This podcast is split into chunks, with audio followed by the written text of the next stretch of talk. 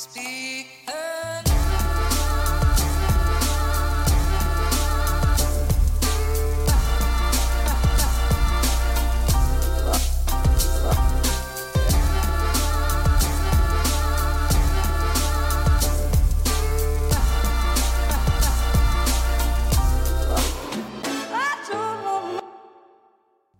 Velkommen hit til Klagemuren. Det er torsdag den 23. desember, aka lille julaften, aka lille juicy. Uh, og klokka er Hva er klokka? 11.27. 11.27, og jeg er ædru, slapp av, uh, og er i live. Uh, good news. Veldig ekstremt Ekstremt hvor jeg har vekt frykten i, hos venner. Eh, bilforhandleren min, eh, bankmannen min. Jeg har vekt bekymringer hos familie. Jeg har vekt bekymringer hos naboer. Eh, hos lyttere generelt. Eh, tusen takk for, for alle kjempekoselige, trivelige meldinger.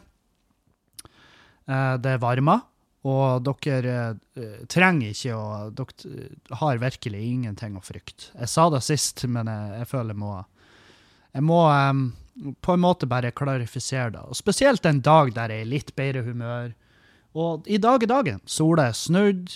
eh, det er, jeg sitter og nyter dagslyset fordi at Ja, fordi at jeg, jeg egner meg ikke i mørket. Skjønner? Så, så det er derfor Det er derfor jeg står opp tidlig om morgenen hver dag, fordi at eh, for, det er sånn spørsmål jeg gjerne får spesielt av venner og bekjente som er i eh, mer tradisjonelle og vanlige jobber, så er det jo så er det jo et spørsmål som går igjen. Herregud, du styrer jo dagene helt sjøl. Det må jo være deilig å kunne sove lenge. Og, og ja, av og til gjør jeg det, men som regel gjør jeg ikke det. Som regel så står jeg opp, og så får jeg med meg dagen. Fordi, og det er ikke fordi at å, Carpe diem, folkens! Ja ja, en ny dag, nye muligheter. Nei, det, har, det er rett og slett foton. Det er lys jeg må ha for å, for å eh, ikke eh, spiral ned i mørket. Jeg husker når jeg var liksom eh, Når jeg gikk for å være en ungdom, og og da kunne jeg mye lettere sove i sånne 18 timers strekk og bare øh, en, Jeg husker på den tida jeg så øh, Blade. Husker dere Blade? Med Wesley Snipes? Ja.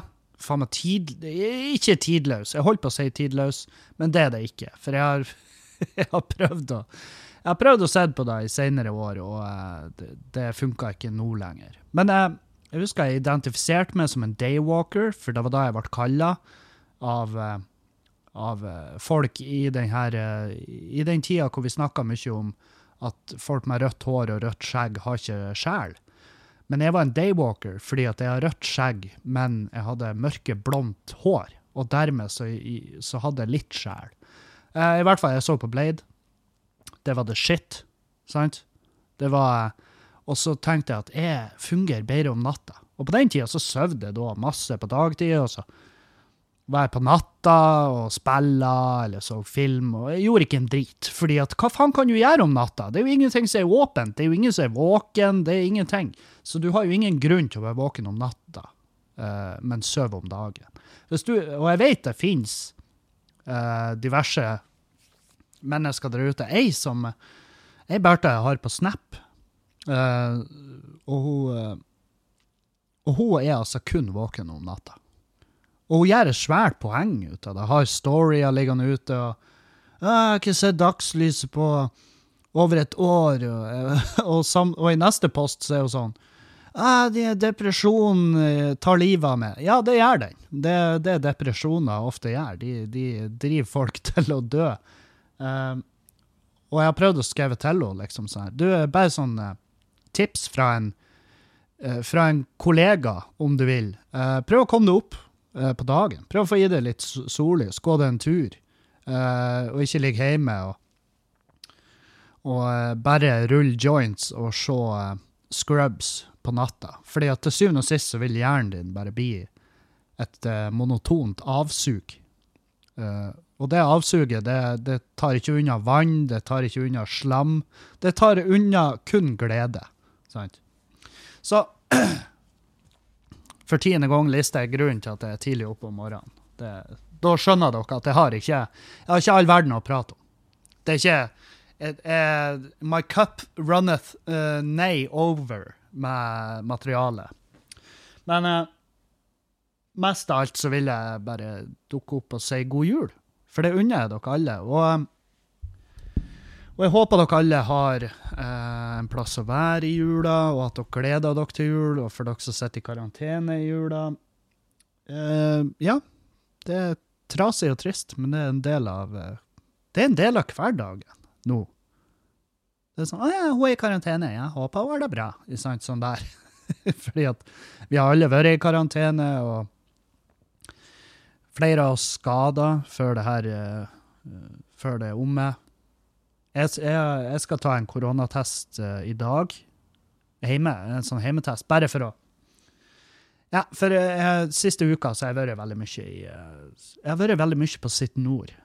Og på City Nord så er det noe altså Som i fjor og som alle år, så er det masse folk der. Og så er det selvfølgelig en og annen sånn munnpuster, sant? uten masker, som får trør og dulter i andre og slikker på dørhåndtak og trer ræva si ned på Ja, jeg vet ikke hva de trer ræva si ned på. De setter ræva mot sånn her gelender som du holder i når du går ned ei trapp eller rulletrapp, eller eh, hvordan som helst eh, nivåendring. Eh, men i hvert fall så, så jeg tenkte sånn her, er det ikke smart å bare ta en test? Og det skal jeg gjøre nå, etter den her. Jeg blir ikke å gjøre det mens, mens jeg spiller inn podden, fordi at jeg, jeg lager en sånn her lyd når jeg trør den her eh, Når jeg trør den her han, eh, pin, eh, den her q-tippen, opp i nesen min, så furer jeg han jo inn, ikke sant, som en magiker. Hvis dere ser de triksene der magikere later som at de slår en spiker inn i hodet på seg sjøl. Det er jo ikke det de gjør. De dytter jo spikeren opp i det samme hullet som de sykepleierne har fista oss i de siste halvannet to årene. Sant? Så Men i hvert fall, når jeg tar de her testene, så lager jeg en sånn eh, veldig sånn der spesifikk lyd. Som er Jeg åpner i munnen, og så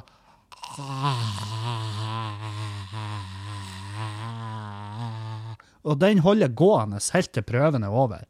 Um, og jeg, eh, tydeligvis ikke alle som gjør det her, fordi at sist jeg var og tok en sånn PCR-prøve, så begynte hun sykepleieren å flire. Og jeg var sånn, hva det er for noe? Hun bare, nei, du bare lager en artig lyd. Jeg, bare, jeg, trodde alle, jeg trodde jeg var jeg trodde det var påbudt, nesten, altså det, å lage den lyden. Hun bare, jeg sa du skulle puste, jeg sa du ikke, du trenger ikke lage lyder, liksom. Men, um, men ja, det er noe, jeg skal ta den testen, og så er spørsmålet hvor lei meg blir jeg hvis den er positiv? Um, jeg, jeg, sa til og Julianne når vi var på butikken sist Eller det var når vi var på Sitt Nord i lag. Vi skulle handle julegave til to personer. Mora hennes og bestefaren hennes. Vi handla til ingen av de, men vi handla masse greier til oss sjøl.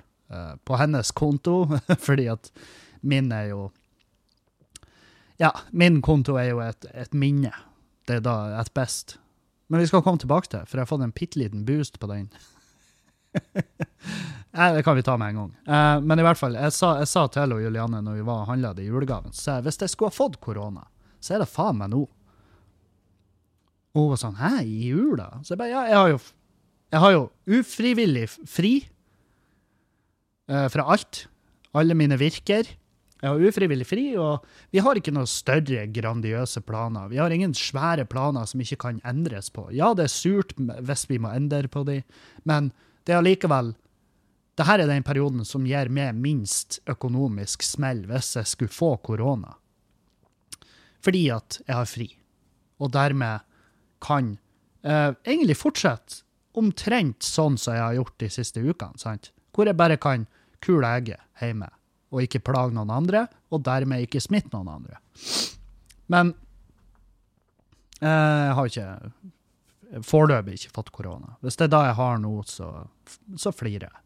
For da er det eh, Da ser det ut som jeg får et uh, veldig kort, eller et veldig, veldig mildt sykdomsforløp. Og det er jo gjerne en av de en av de argumentene som dyttes foran når folk er sånn her Ja, men eh, hvorfor stenger vi det nå? Omikron-varianten er jo nada i forhold til uh, de andre variantene, som gir et kjempeheftig sykdomsforløp for mange. Men det gjør omikron òg. Det gjør jo da uh, For de som blir hardt ramma, så vil de bli hardt ramma uansett hva det er de får. Uh, og, det, og det er jo gjerne La oss si en 98-åring som har levd på lånt tid de siste fem årene, hvor de er sånn Jesus, oldemor hun er faen meg en kakerlakk! Hun bare nekter å dø. Ikke sant? Det er de der menneskene vi prøver å berge. Og eh, jeg har ikke så mange av de i livet mitt. Jeg har jo farmor. Og, eh, og så har jeg prøvd å reflektere over hvor eh, Jeg prøvde å reflektere over hvor sjuk farmor blir. Det kan ikke jeg uttale meg om.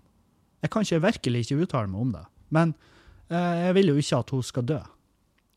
Og det er sikkert mange som ikke har noen gamle mennesker som de ikke ønsker skulle, skulle dø, men de har sikkert noen mennesker i sin krets som har noen gamle mennesker. Og det er sant. Det jeg prøver å gjenopplive, er tanken om at du, du er ikke alene. Jorda spinner ikke rundt din akse. Du er bare en maur. Sånn som den, ta og se den videoen om hvor liten verden egentlig er. Der de bare zoomer ut og ut, og så viser de alle de enorme, gigantiske himmellegemene vi har funnet bare med uh, våre uh, høyteknologiske teleskop som vi ser ut i rommet. Sant? Da skjønner du hvor fitte liten du er, og hvor lite du egentlig har å si i det store bildet. Så poenget mitt er ta funger i fellesskapet og bare vaksiner det. Vær så snill. Bli ferdig med det. Er du ikke lei av mase? og det, det, er egentlig jævlig artig, fordi at uh, I USA uh, Så uh, skal vi se her jeg skal, Vent litt, jeg skal sette på pause. Jeg skal lese opp den her. Der, ja. USA går litt hardere i malinga enn veldig mange andre. en sånn pressebrif fra Det hvite hus, som dere sikkert har hørt om. Det er der, det er der han Joe Biden sitter og mumler usammenhengende og aner ikke hvor han er. Han tror han er hjemme på en ranch og snakker til døde familiemedlemmer. og ja, han er han er virkelig helt ute å kjøre. Men uh, han uh, gjør nå ikke jeg, jeg Sånn som jeg har fått det med meg, men det kan jo hende at det er mediene i Norge som bare er flinke og ikke melder om det. Men sånn som jeg har fått det med meg, så har han vel gjort lite sånn der direkte skade uh, i forhold til veldig mange presidenter. Og da tenker jeg ikke nødvendigvis på Trump, som Ja, han gjorde jo enorm mengde skade. og og uh, det var jo en del mennesker som daua under han. Men uh, i forhold til Obama og Bush, så tror jeg det var veldig få mennesker som daua under begge de to siste presidentene i USA.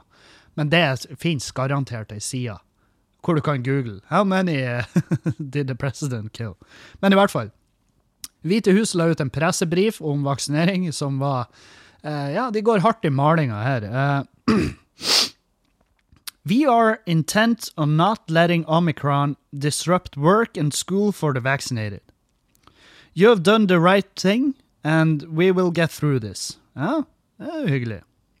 Og så uh, kommer neste.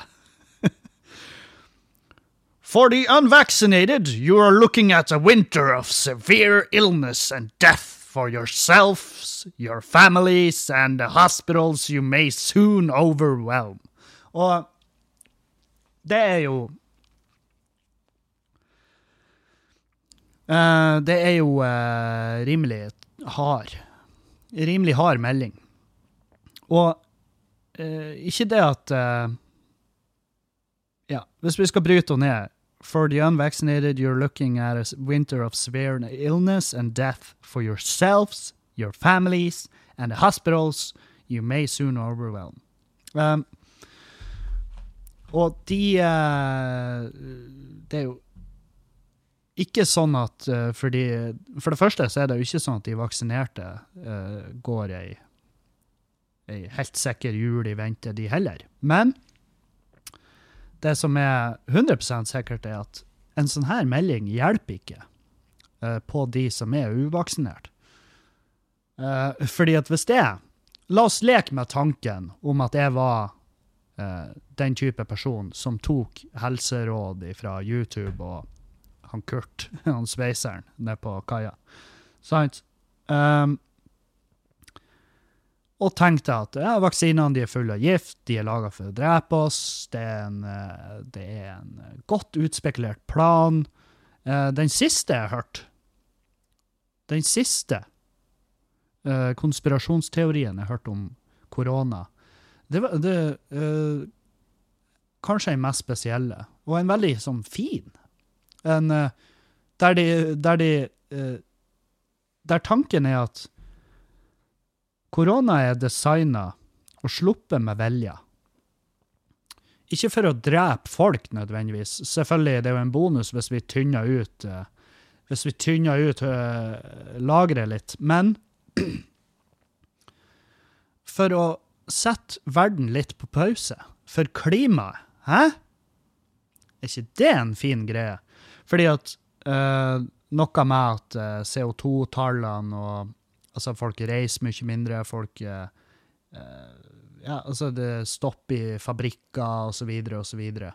Og dermed så har man fått, fått kjøpt seg litt tid innenfor det her klima, klimaproblemet vårt, hvis du tror på den slags. Det artige med når de posta den eh, konspirasjonsteorien der om at korona er skapt for å berge klimaet, så det de ikke tenker over, er at uh, de her Og grunnen til at veldig få har tatt opp denne konspirasjonsteorien og spinner den videre, det tror jeg er fordi at hvis de snakker om den konspirasjonsteorien, så bekrefter de uh, samtidig at de tror på klimaforandringer.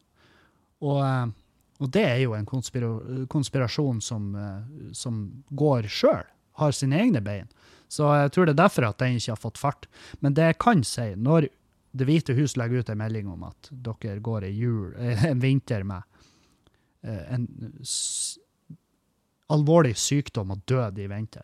Så hvis jeg hadde trodd på de her YouTube-legene og sånn, så hadde jo jeg ikke blitt mer gira på å ta vaksinen når jeg leste den meldinga. For det, her, det er sånn der Det er sånn der uh, ungdoms... Uh, nei, hvis du ikke vil vaksinere, da får du bare dø, da. da du, du, blir død. Du og hele familien din blir død. Litt sånn den der tonen. Og så, da får man jo lyst til å Ja, kanskje vi vil det? Kanskje vi vil dø? Jeg vil heller dø enn å ta den jævla vaksina di. Sant? Sånn der. Det er sånn det blir. De, de oppnår ingenting med det. det, det, det jeg, jeg vedder på at mange leste den der meldinga og så tenkte jeg, faen, jeg skulle ønske jeg kunne ta den jævla vaksinen tilbake. Bare anger meg. Jeg blir ikke å ta noe andre eller tredje dose. Det er bare glem.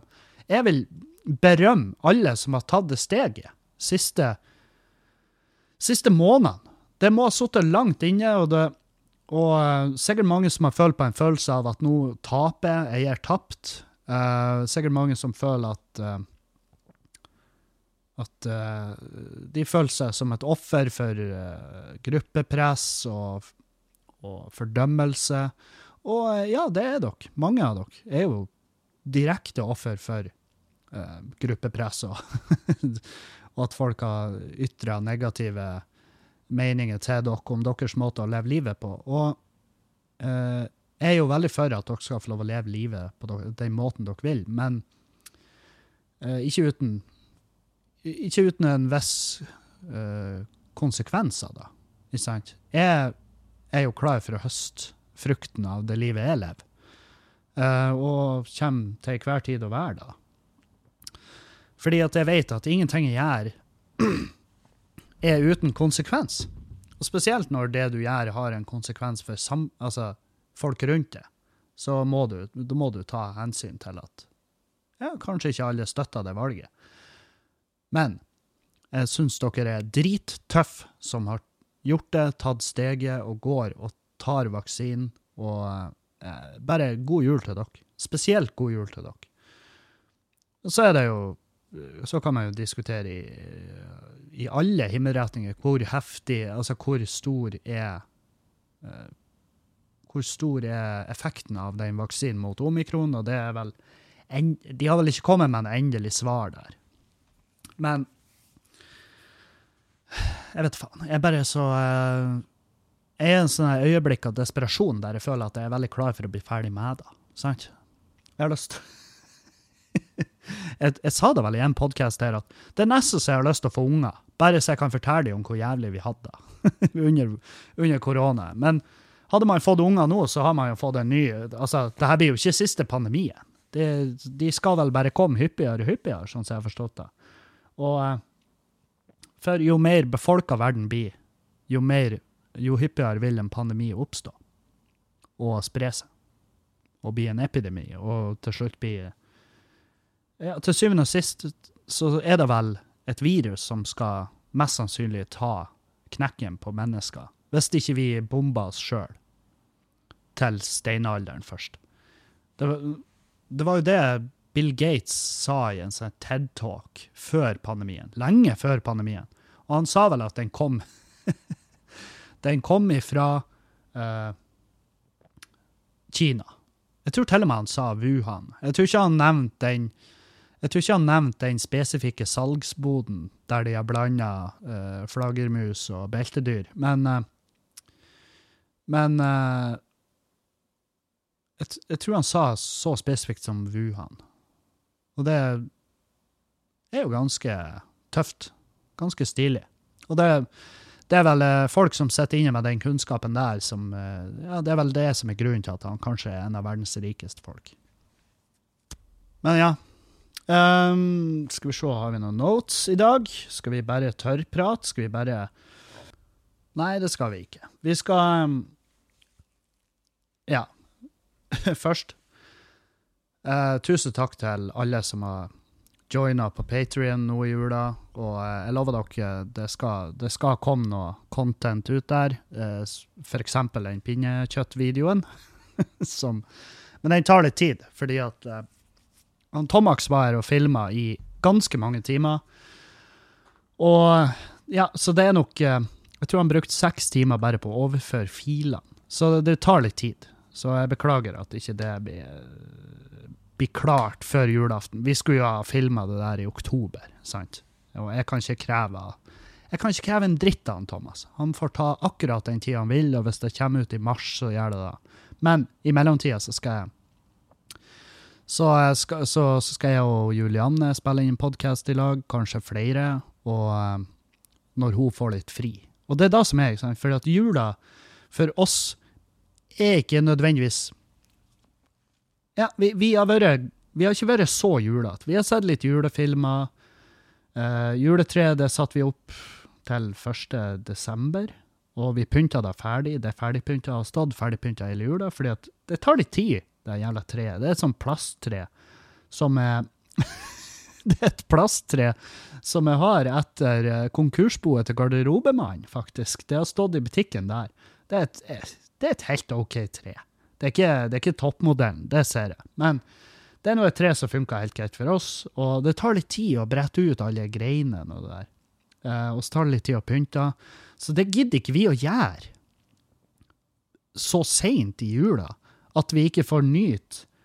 For hvis ikke, så hadde det jo bare stått et jævla tre her, uten pynt, og det hadde vært dritkjedelig å se på. Så det vi, vi har pynta treet.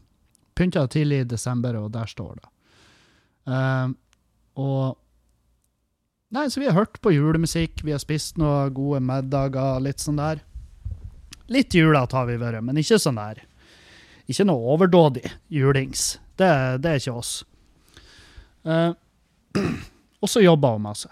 Så det tar jeg jo selvfølgelig uh, stor skade av. Ja, jeg, jeg tar ikke skade av at hun jobber. Det gjør jeg ikke. Det at hun jobber, er jo det som gjør at vi har et hus.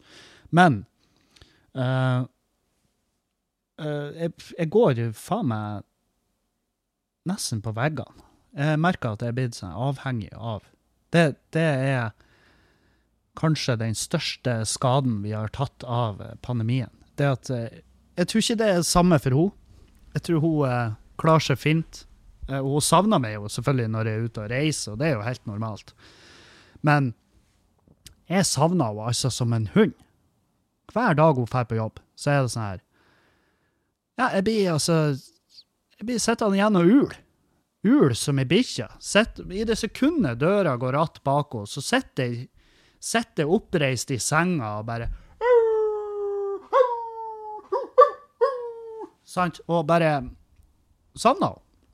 Jeg vet ikke om det er sånn hunder gjør når de savner folk, eller om det er sånn de gjør når de bare kjeder seg er ute på verandaen og hører en annen hund. Men dere skjønner poenget. Det er som en kinesisk nakenhund. En feit kinesisk nakenhund som Ja, som bare ikke klarer seg uten henne. Jeg klarer meg jo, men jeg, jeg står jo og logrer når hun kommer hjem. Jeg har faktisk tatt meg sjøl i å For jeg prøver jo å la mat, eller i hvert fall begynne å la middag og sånn eh, til hun kommer hjem. De dagene hun ønsker da. Og da kan hun sende melding til meg og si du er ferdig på jobb 16.00, og så sier jeg OK, hva, hva vil du spise? Skal vi spise eh, taco eller kjøttboller i spagetti? Sant? Eh, Eller veggisboller i spagetti. Og så sier hun en av de to tingene, og så finner jeg frem det som trengs for å lage det, og så Og når da klokka er nærmer seg 16.20 16.30, alt etter hvordan trafikken er, så kommer jo hun svingende inn her hjemme. Og da har jeg tatt meg sjøl i å stå i vinduet og kikke. Skjønner du? Skjønner du hvor avhengig jeg har vært? Så nå, hvor, hva gjør man med det her? Vel Hvordan Ja, hva gjør man med det? Det er et spørsmål. Jeg vet ikke hva jeg skal gjøre med det. Um, for poenget mitt er at eh, Poenget mitt er egentlig at uh, jeg burde ikke være så avhengig av dama mi. At jeg står og venter på henne som en hund. Det er jo kjempekoselig og søtt og alt det der, men vi må ta med i beregninga at jeg er jo egentlig ikke en hund. Sant? Jeg burde jo være mitt eget jævla menneske, som er sånn 'Å, er du hjemme?' Det er så trivelig. Det er jo trivelig, det her middagsaspektet, sant? At, eh, at vi har skifta om på de tradisjonelle kjønnsrollene. At hun kommer hjem til eh, middag, for hun har vært på jobb hele dagen, mens gubben har gått hjemme. Og av og til har jeg støvsuga og vaska, av og til har jeg rydda. Nå i førjula så har jeg vært altså, så slapp. Og det går sikkert hånd i hånd med de åpenbare depressive dagene jeg har hatt, men også, også veldig deilig å slappe av etter den høsten. For jeg fikk jo en travel høst helt fram til jeg ikke fikk det lenger, sant? Og hvis du hadde det travelt helt fram til du ikke får det travelt lenger, så, så går du gjerne på en sånn her Å, fy faen, hvor sliten jeg egentlig er. Og en sånn har jeg hatt. Men, ja.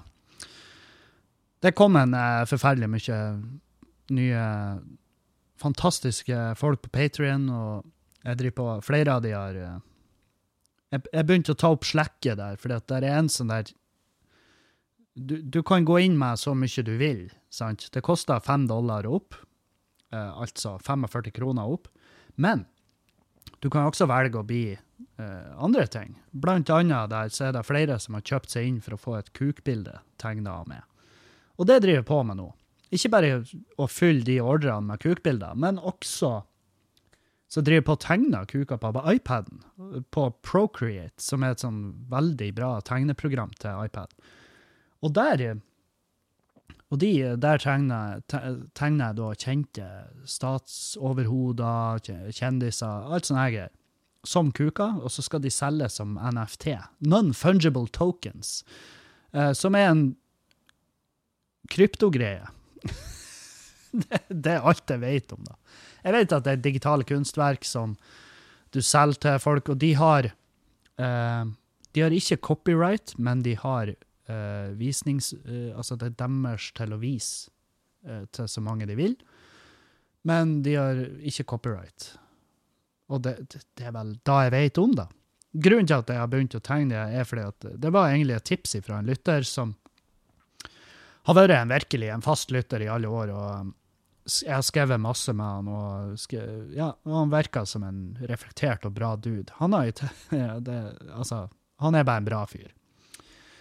I tillegg så um, uh, har jeg også en lytter som har vippsa med penger til en luftfukter til soverommet. Hæ? Luft, hun har vippsa penger til en luftfukter til soverommet fordi at uh, det, det hun, hun mener at det kan hjelpe på uh, luftveiene. At jeg våkner og er tett og alt det her greiene.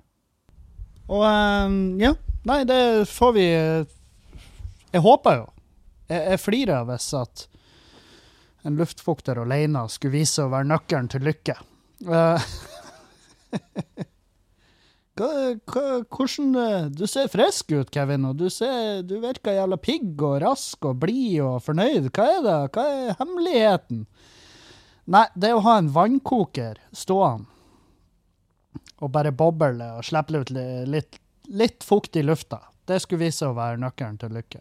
Eh, vi har jo 20 luftfuktighet i huset.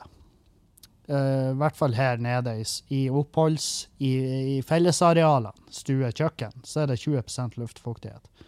Og det er litt lavt. Det skal, skal egentlig bitte litt opp. Og eh, på soverommet har jeg ikke sjekka, men eh, jeg ser ikke for meg at det er noe bedre der, egentlig. Uh, men ja. Nei, men tusen takk. Og jeg gleder meg til å få en luftfuktig rus, og jeg gleder meg til at den skal endre livet mitt. Det jeg håper. Eh, men altså, om det ikke gjør alt bedre, så får vi i hvert fall et bedre inneklima. Og det burde være alle sine eh, eh, Alle burde være oppmerksom på hvor mye inneklima har å si. Spesielt når vi er et gammelt hus. Det her er, og det er jo også et hus som har vært bygd Altså, du merker at det ikke er håndverkere som har vært i sving på alt her. Så og når jeg åpna ytterveggen på soverommet, så ja, så fant jeg jo Jeg fant jo diverse uh, intuitive, smarte løsninger der som uh, Som i samme tid uh, vitna til at kanskje ikke det huset her er så godt isolert og tett og uh, Altså, det er masse greier som tilsier at inneklimaet her ikke nødvendigvis er det beste. Nå er jo ikke et pottetett hus det du vil ha for å ha et bra inneklima, men du vil jo gjerne ha Ja, man vil jo gjerne ha ren luft, man vil jo gjerne ha også ei luft som eh, holder en viss fuktighet. Hvis det er filtrert, så er jo det kjekt. Eh, men er det ikke da du kan bare få astma? Hvis du får et Hvis du får et klinisk rent hus, og du lever der, spesielt barn Sånn som jeg har forstått det, så er det vel med tanke på dagens byggeforskrifter i TEK 20, eller hva det er som er den nyeste, så uh, så er det flere som sier at husene de blir for tett, uh, og de blir for reine. Og dermed så uh, fostrer vi opp en generasjon med astmasjuke barn uten uh, immunforsvar. Jeg husker han ene tømreren jeg jobba sammen med. Han var sånn Ungene mine de skal leve de første fem årene i et jævla busskur. Og på den måten skal vi få opp eh, eh, immunforsvaret. Sant? Og eh, ja, jeg tror ikke han har Jeg tror ikke han har latt ungene vokse opp. Jeg tror ikke han har latt ungene få sine eh, sine første år eh, på spartansk vis i et busskur. Men eh, jeg, tror er, jeg tror det ligger noe i det. At uh, jo mer du blir sydd bomull under og båret fram på en gullstol gjennom livet ditt, så vil jo så vil det bli ekstra vanskelig når du da kommer i møte med det virkelige liv, sånn som det egentlig er der ute. Så, men ja, luftfukter skal jeg ha uansett. Uansett hvor astmasjuk jeg blir. Uh, og så har jeg fått beskjed om at jeg ikke er bipolar.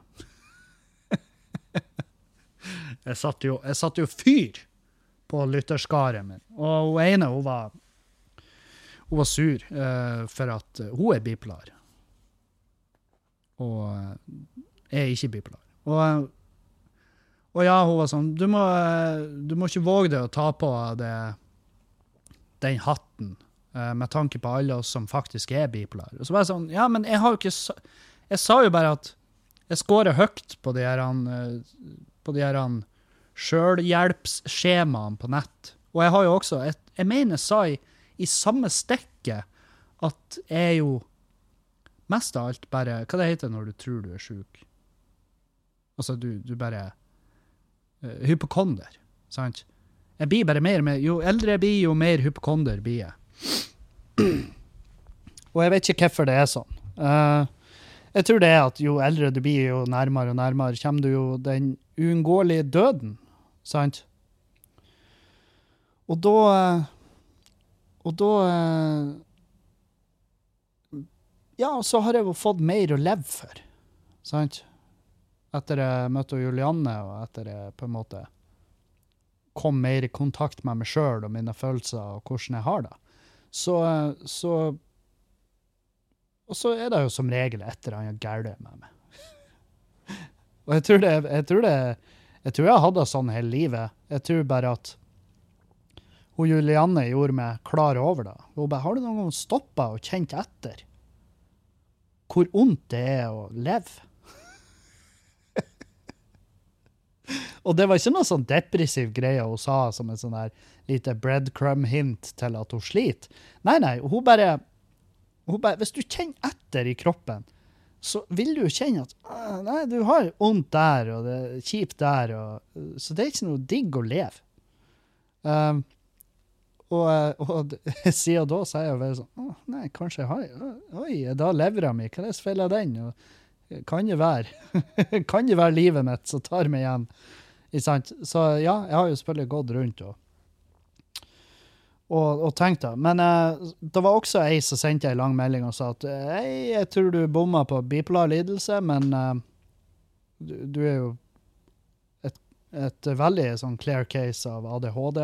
Og, og jeg tenker jo sånn, ja ja, uh, OK, men hva, hva eh, kan jeg få igjen for det, hvis jeg drar inn og La oss si jeg drar til lege, og så blir jeg utreda, og så bare Å, dæven, du har jo masse ADHD. Og så blir jeg sånn ah, OK, ja, det forklarer jo en del.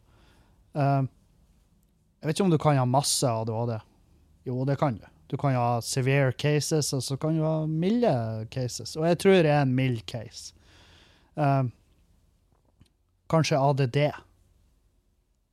Problemet er jo det her å konsentrere seg. Det er jo ikke det å Ja, jeg føler meg rastløs veldig ofte, og er jo hyper i hvert fall inne i hodet. Uh, der er det jo aldri ro. Uh, har du noen gang stått hvis, Når du går over et eh, eh, Når du går over et sånn fotgjenger, fotgjengerovergang i Oslo, sant? I sentrum der, eller i en kurs som er en svær by, og så mister du noe midt, altså på gangfeltet, så du må bøye deg ned. Da står du jo i ro et par sekunder, mens hele verden raser rundt deg. Folk trør og snakker og roper og kauker, folk sykler.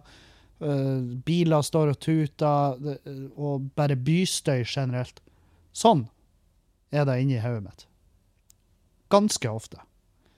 Akkurat nå når jeg sitter og spiller i en podkast Nå sitter jeg veldig deilig, jeg sitter tilbakelent i sofaen.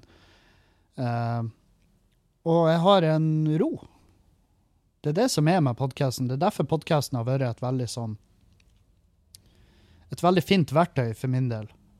Eh, fordi at jeg får ventilert, jeg får prata, jeg får holdt hodet i gang. Og jeg kommer av og til med en og annen morsomhet. Sant? Så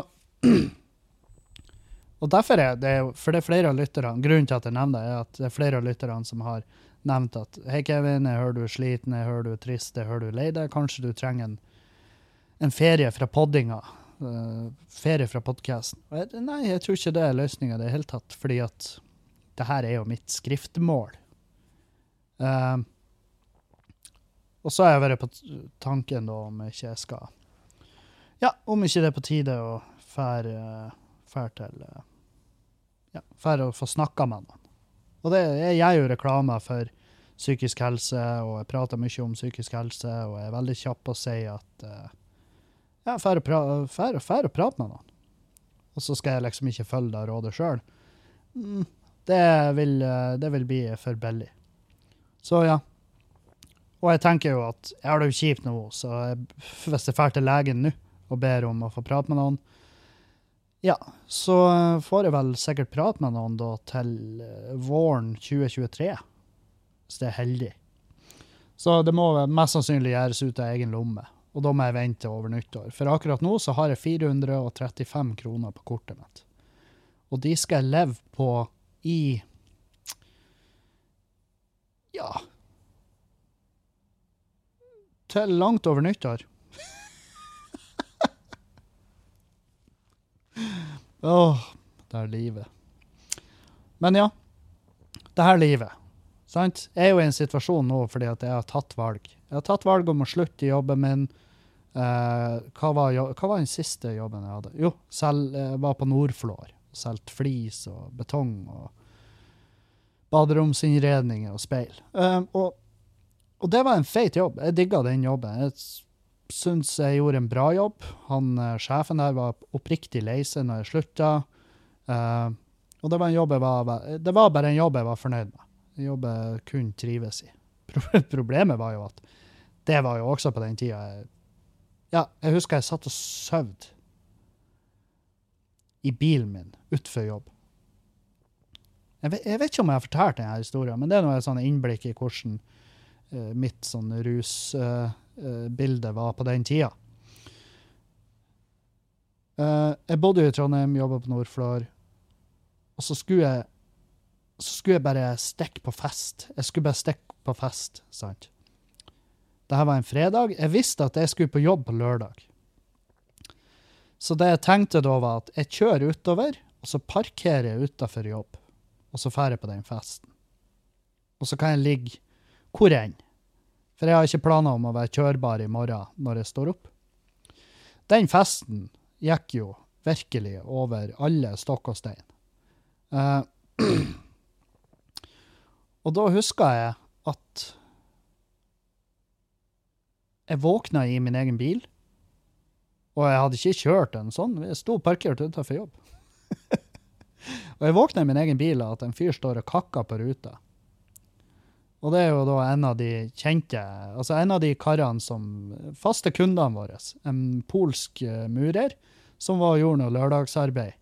Og butikken skulle åpne klokka ti, og klokka var fem på ti.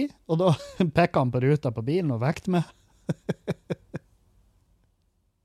og jeg rulla ned ruta, og han bare You sleeping car? Problem with wife? Spørsmålstegn. og jeg bare Yes, yes, many problems with wife. han ga meg unnskyldning gratis, og jeg tok den. Jeg var sånn her Nei, nei, jeg, jeg sitter her og sover av med en ganske vill rus. Og så eh, tok jeg med en uh, bitte liten eh, hit med amfetamin, og så var det rett på jobb. Og, det... og for dere som ikke har peiling på drugs og alt det der, det er ikke uvanlig. Det er et, amfetamin er verdens beste husmordrug, eller beste, det vil ikke jeg si. Det er kanskje et av de mest populære. Husmordopene og studiedopene. Altså studenter uh, i alle sjangre.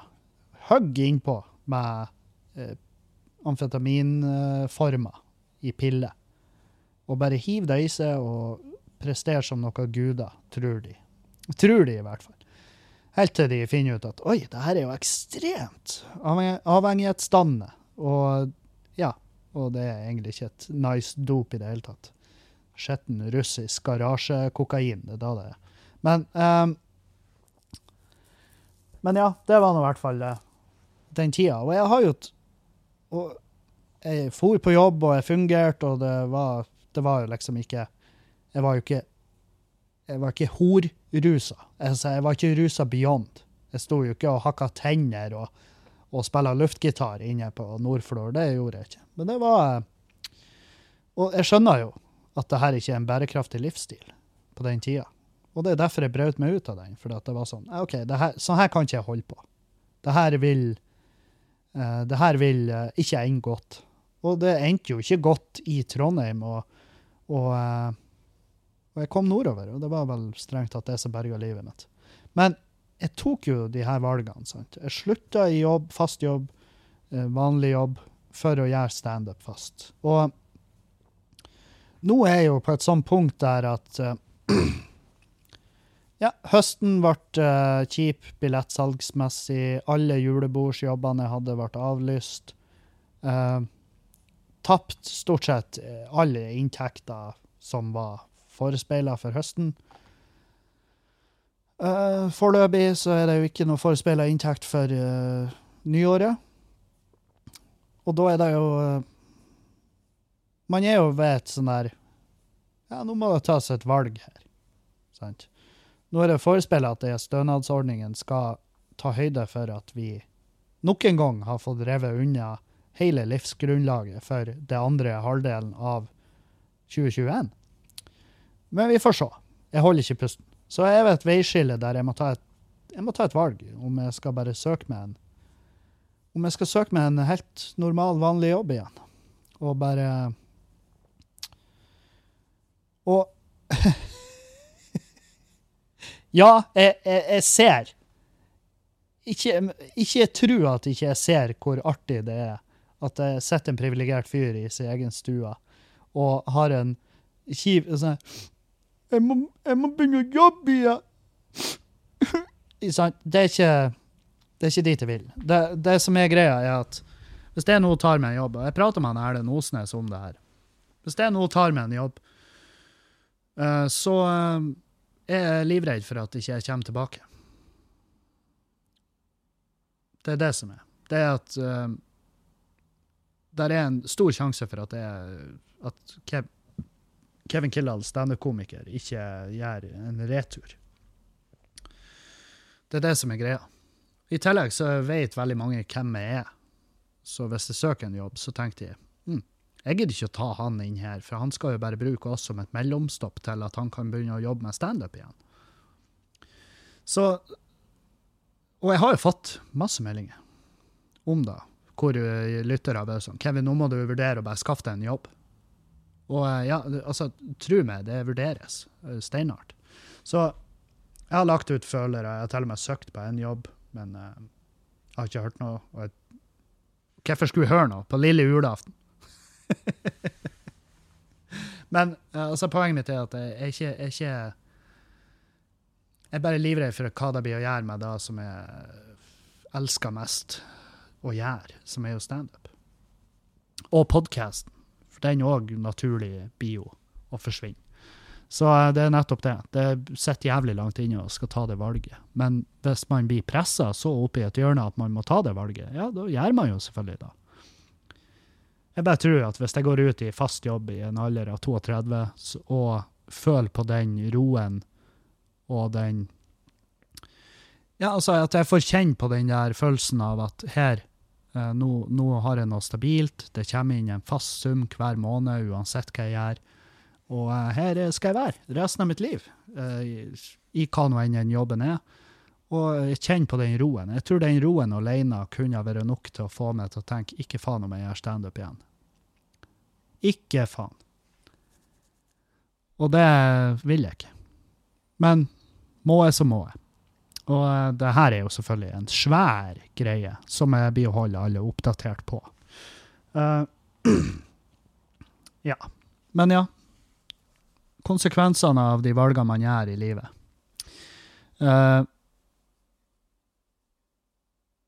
og jeg uh, har jo prata om Hege Grostad tidligere. Hege Grostad er et menneske som jeg ser ekstremt opp til. Hun er uh, fette. Altså, hun er altså så jævlig glup. Der har du Der har du ei dame med et hode. Og hun Hege hun har vært norske sexarbeideres ansikt utad. Ja, hun jobber som prostituert eller eskorte, eller hva nå enn slags navn du uh, slenger på det, på det yrkestittelen der. Uh, I tillegg så er hun utdanna mykolog, vil, altså, eller hun har bachelor i mykologi, som vil si at uh, hun kan en del om sopp. Hun er selvfølgelig da naturligvis en advokat for sopp. Altså, og egentlig psykadelika generelt, LSD og MDMA. De her tingene som kan brukes i behandling av uh, psykisk sykdom, og det kan brukes som parterapi, det kan brukes faen meg til Det er til å nyte en konsert med et ekstra Med et ekstra, ekstra En ekstra sans i bildet. Det blir vel kanskje det beste å si. Men i hvert fall hun har jo skrevet åpent og vært og vært en um, forkjemper for legalisering av psykadelika osv. Og, så og i tillegg det her med uh, sexarbeid. Uh, en mer sikker arbeidshverdag for no, uh, sexarbeidere der ute. Uh, og rett og slett bare legalisering rundt det. At, og at staten skal komme inn og gjerne ta litt mer vare. Det her har jo selvfølgelig ikke gått eh, kommunen i hennes heimkommune. Det har ikke gått de hus forbi det hun har skrevet i sosiale medier, og de har jo nå sendt politiet på for å tvangsrusteste henne. I tillegg er hun gravid. Um, og jeg tror, ikke de, jeg tror ikke de skjønte hva det var de egentlig gjorde der. Jeg tror ikke de skjønte hva det var de satte i gang der. Fordi at hun har jo prata om, og rett og slett ytra seg politisk angående psykadelika. Og det er nok, tydeligvis. Det er nok, og det har jo jeg gjort i massevis. Og, eh, og hele den saken her skremmer. Fordi at hvis det er sånn at de kan, og det kan de ikke, de kan ikke på bakgrunn av de ytringene der kreve en, eh, en test. Men så er hun jo gravid. Og, eh,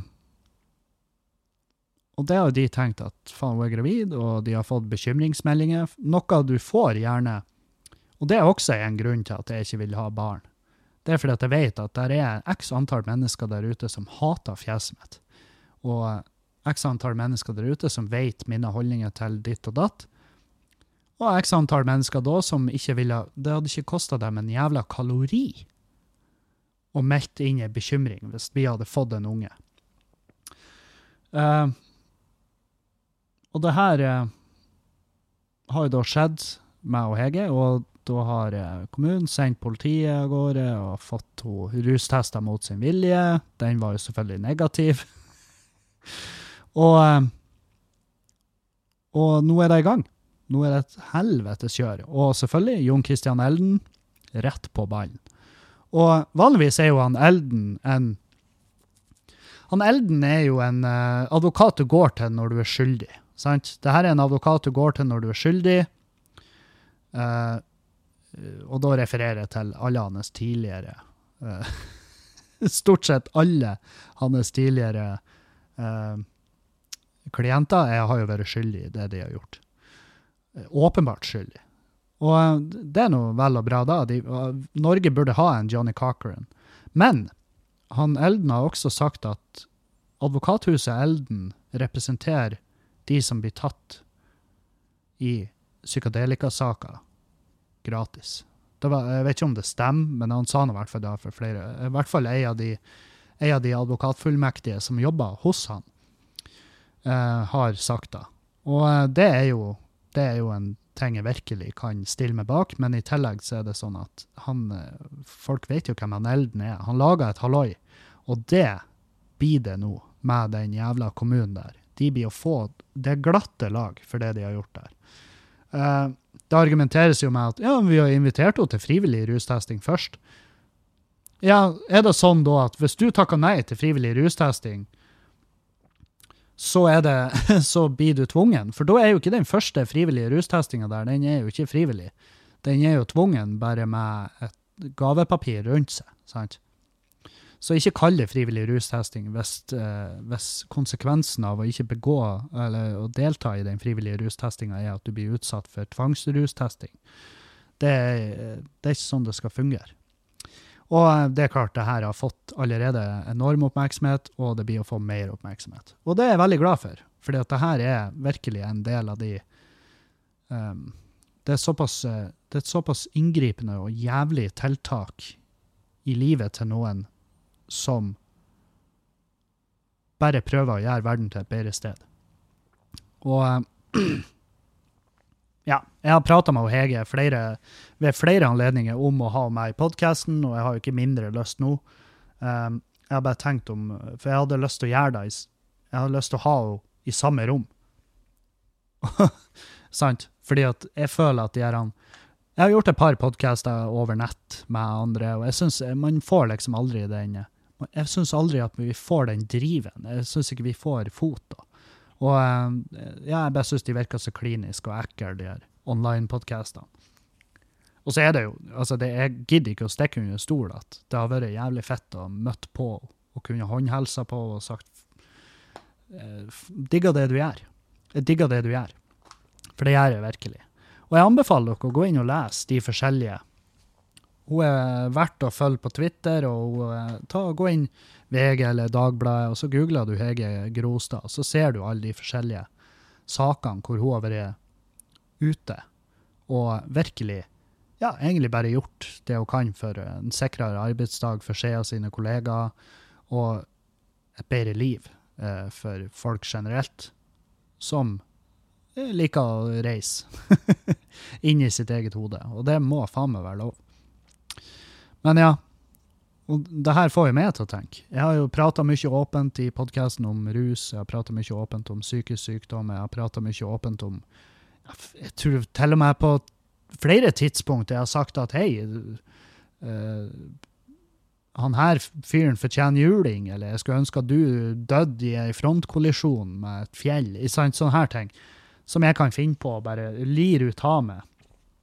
Som tydeligvis er nok til noen å kunne kalle en skjellig grunn for uh, frivillig rustesting i, i, i gåseøyne.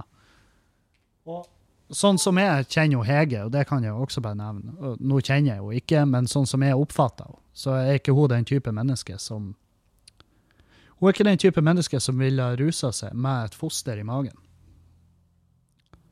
Og hvis du har lyst til å si noe Ja, men det, det kan du gjerne si, men hvis du er avhengig ja, Du blir ikke avhengig. Du kan, det er ingenting i kroppen som tilsier at du blir avhengig av verken MDMA, sopp eller LSD.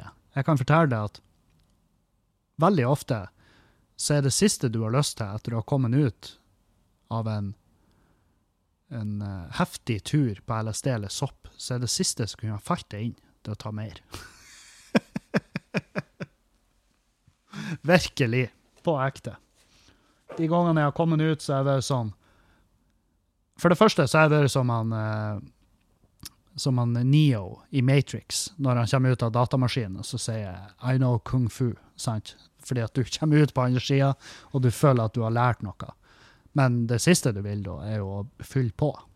Fordi at du er sliten. Hodet er tomt. Du har brent, tømt dopaminlagrene, og du har kanskje funnet svar på masse, masse dype spørsmål om deg sjøl. Hva skal jeg gjøre? Skal jeg selge båten eller ikke? Sånne her ting. Eh, eller hvordan kan jeg få det her forholdet til å fungere? Hvordan kan jeg hvordan, hva jeg burde, burde gjøre med karrieren min? Hvor skal jeg? Hvor vil jeg med livet mitt? Burde jeg bruke så masse tid på å tilegne meg penger, eller burde jeg bruke mer tid på å tilegne meg kjærlighet fra de jeg faktisk er glad i? Burde jeg bruke tid på vennene mine? Bruker, bruker jeg nok tid på familien min? Sånne her ting.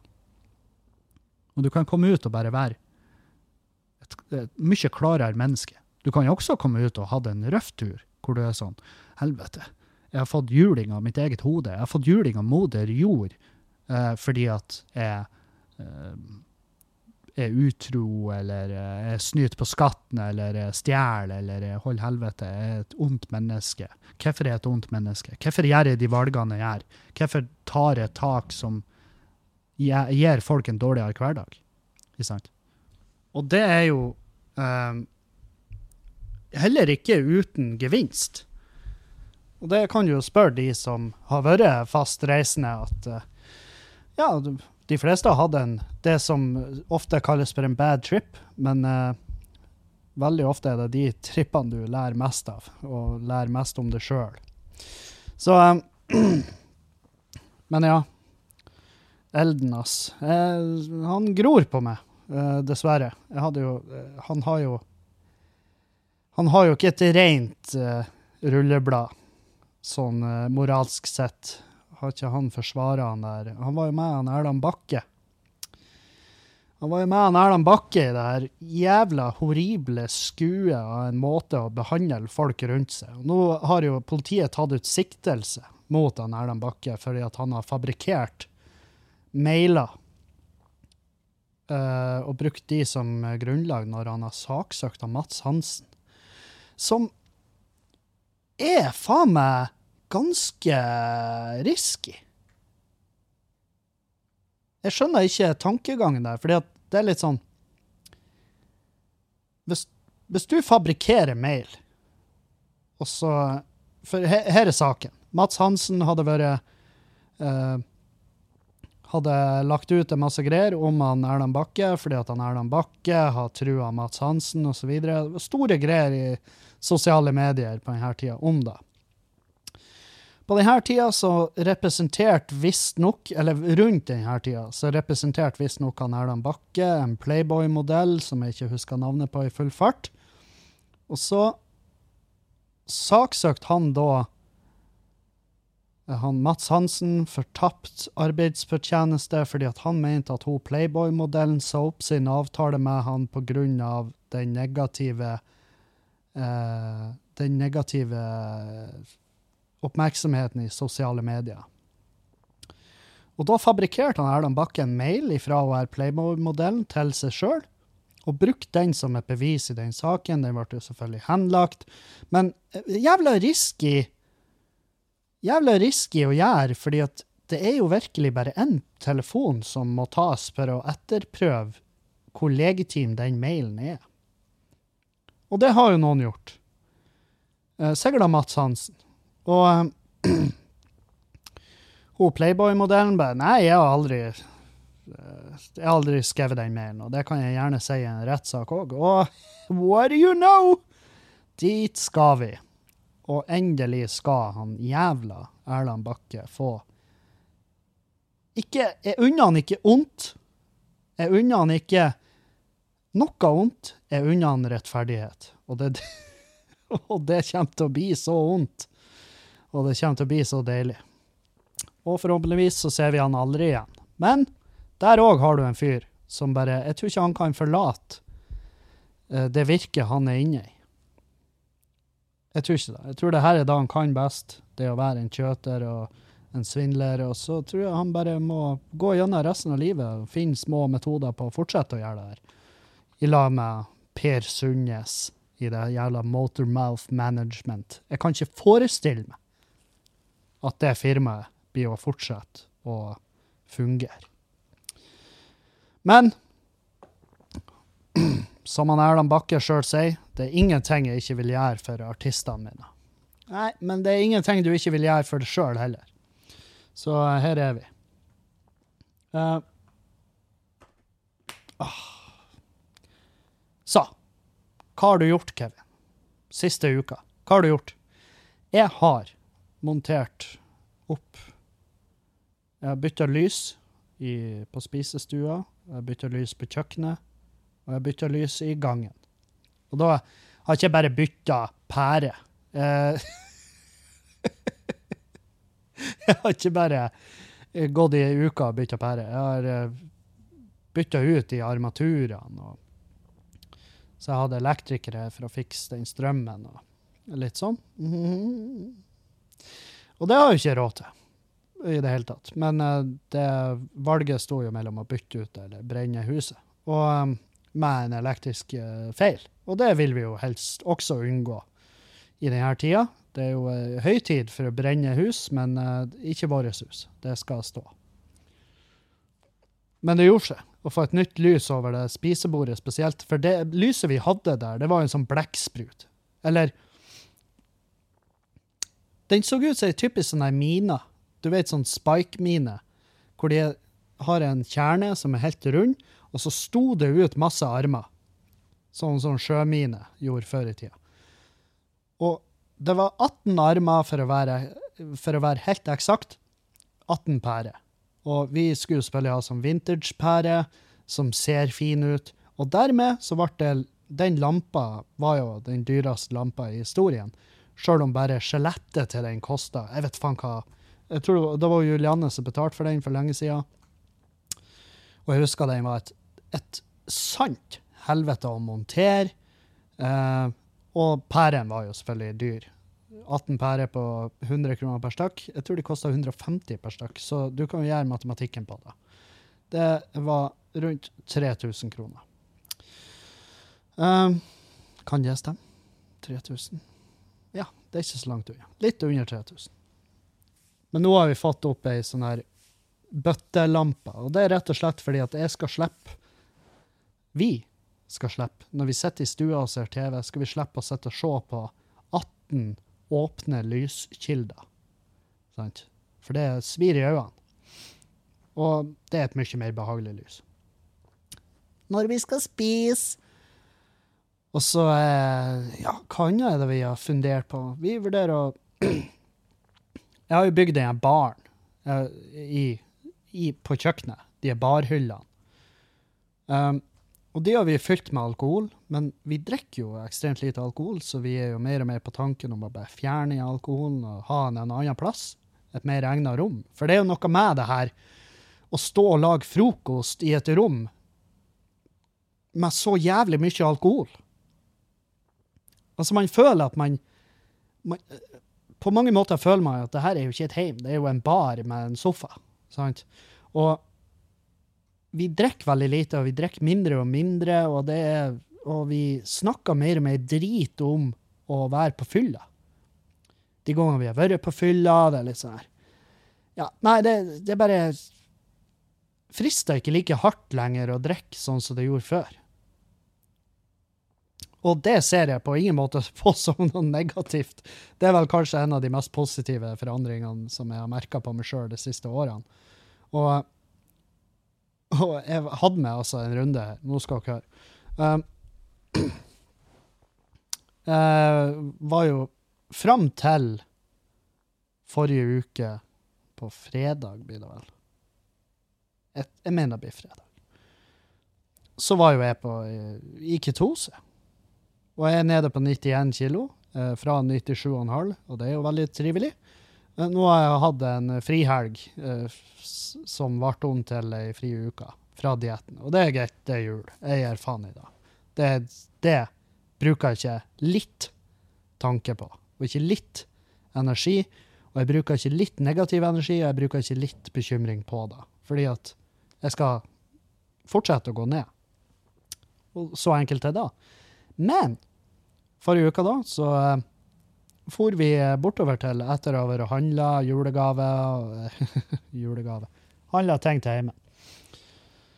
Så for vi bortover for å til uh, Surdeigskongen, som jeg har prata litt om, han uh, naboen vår borti veien her, som har reached out, og vi har fått kontakt, og ja, jeg anser han som en kompis. Og fruen hans og hunden deres. Jeg har ikke møtt ungene, men de er sikkert like perfekte og trivelige som de er.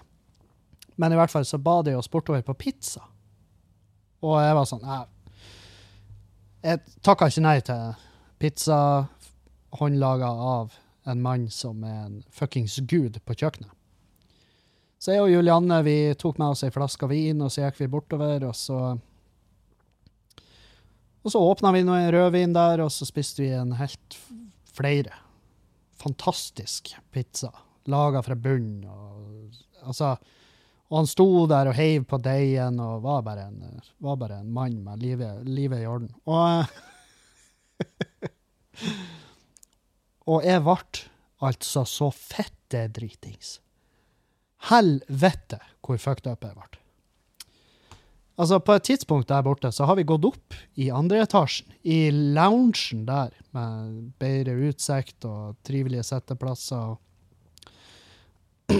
På dette punktet så har jo det her gjengen på fire voksne har jo galta seg gjennom to flasker vin. Og, og jeg hadde fått servert konjakk, og jeg var altså på ekte. Når jeg for derifra, så hadde jeg glemt av at vi hadde gått opp i andre etasjen, så jeg var på tur ut i et rom. Når jeg trodde jeg var på tur ut i yttergangen, så var jeg på tur inn på rommet der det mest sannsynlig lå sikkert et barn og sov. Hva vet vel jeg. Og det syns jo de var kjempeartig, at jeg, at jeg var såpass at jeg hadde glemt av at vi var i andre etasjen. Men i hvert fall, jeg huska ikke heimturen. Jeg huska ikke å ha gått hjem. Jeg våkna jo selvfølgelig på gjesterommet. Jeg, husker at jeg, la, at jeg, var furt fordi at jeg ikke fikk sove sammen med Julianne, som hadde holdt seg litt i skinnet for hun skulle på jobb dagen etter. Og da er jo avtalen at hvis han Kevin er full, så ligger ikke han i lag med Julianne hvis hun skal på jobb. Fordi at hun Julianne må få lov å sove. Og da trenger hun ikke at jeg ligger og fiser og raper og snorker og kveles og våkner og er kåt og full og prøver å ta på henne. Alle de her tingene som hun kanskje vil ha seg frabedt når hun skal stå opp og sminke seg og dra på jobb og tjene penger, sånn at vi slipper å miste huset. ikke sant? Da er det veldig Da er det, da er det litt sånn her Litt forstyrrende å ha en Kevin liggende på sida av seg. Og det skjønner jeg.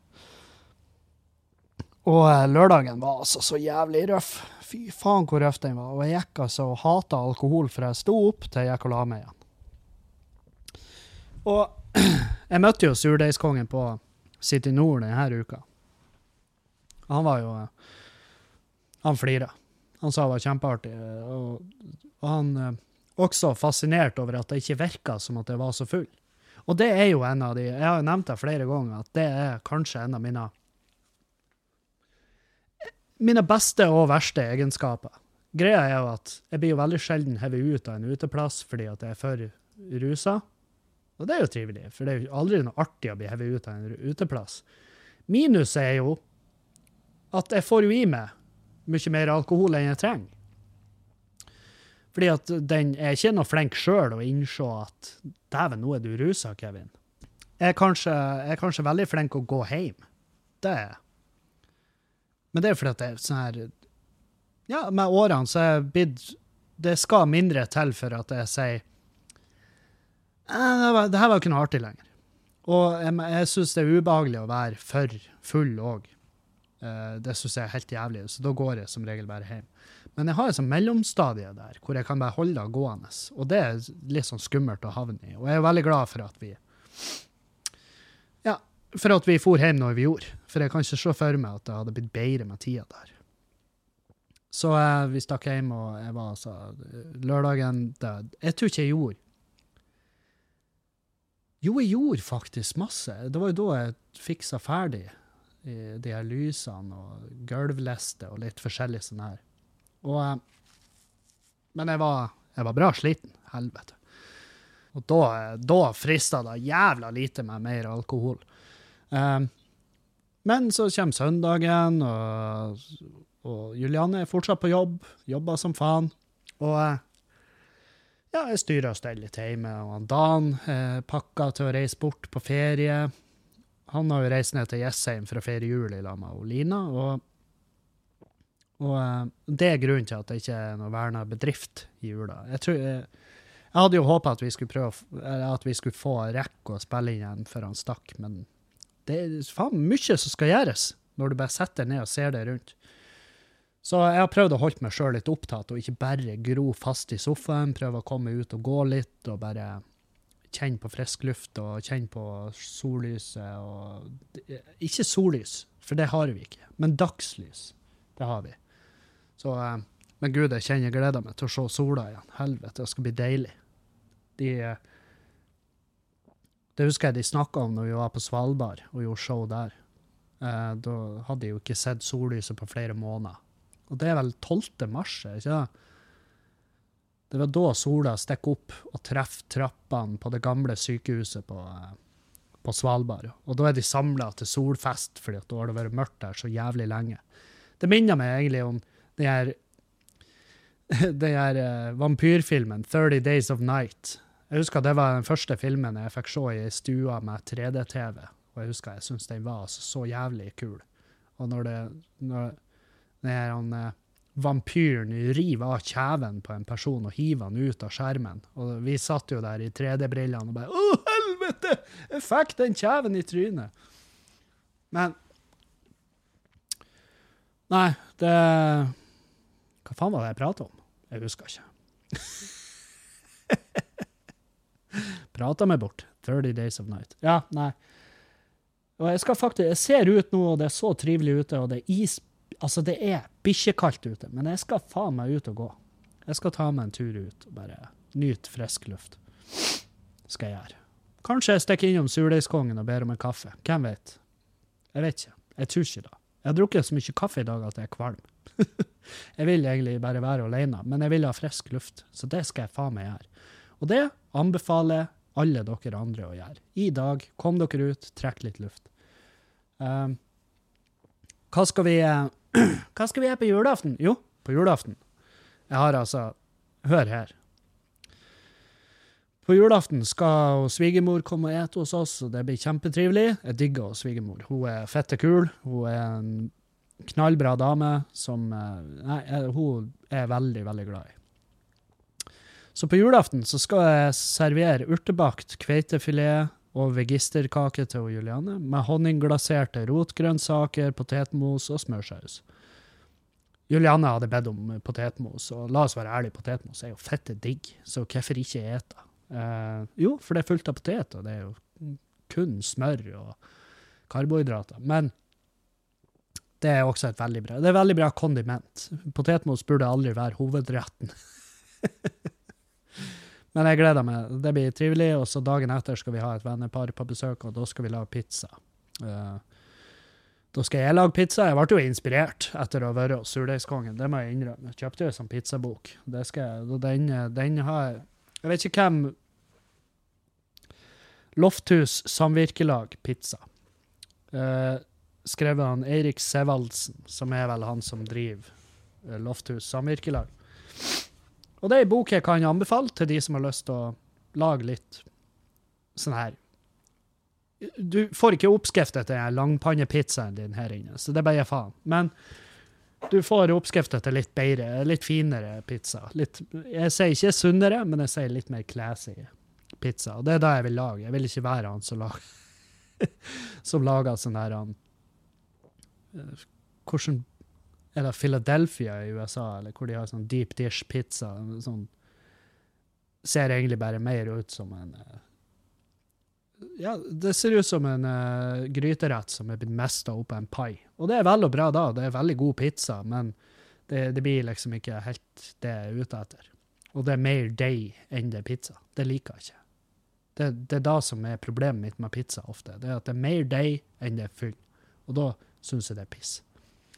Så det skal vi gjøre, og da skal jeg lage Da håper jeg Det er derfor jeg blir å ta opp masse kveiter nå fra frysen. Fordi at jeg skal la ene pizzaen der skal med kveite og, og eh, kanskje litt salvie og kanskje en hvit saus. Det blir det. Hvit, hvit saus på en, eh, på en skikkelig pizzabunn som jeg har laga. Det gleder jeg meg til. Så jeg har funnet matgleden igjen, og det er jo hyggelig. Uh, så er det bare opp til meg å ikke la det gå over stokk og fucking stein. Sånn at det blir ja, Sånn at jeg havner tilbake i det giftige matmønsteret.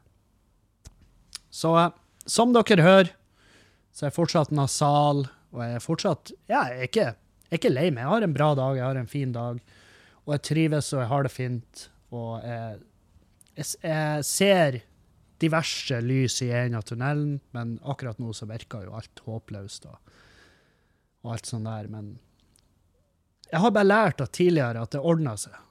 Jeg må bare ta tak i det. Sant? Så um, det skal jeg gjøre. Og ikke være redd for meg. Jeg skal ha en nydelig, fin jul i lag med Julianne og svigermor og venner av oss. Og det skal bli ei en fin jul. Så ikke vær redd. Ikke vær redd for meg. Jeg skal sette meg ned og fortsette å være kanonføde for at Regjeringa har bygd ned helsevesenet midt i en pandemi.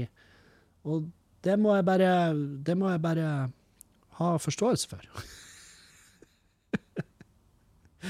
så, så, godt det lar seg gjøre. Uh, god jul til alle dere. Jeg elsker dere, og jeg håper dere får ei knallfin jul. Og til sist så vil jeg si ei ekstra god jul til alle som har joina på Patrion.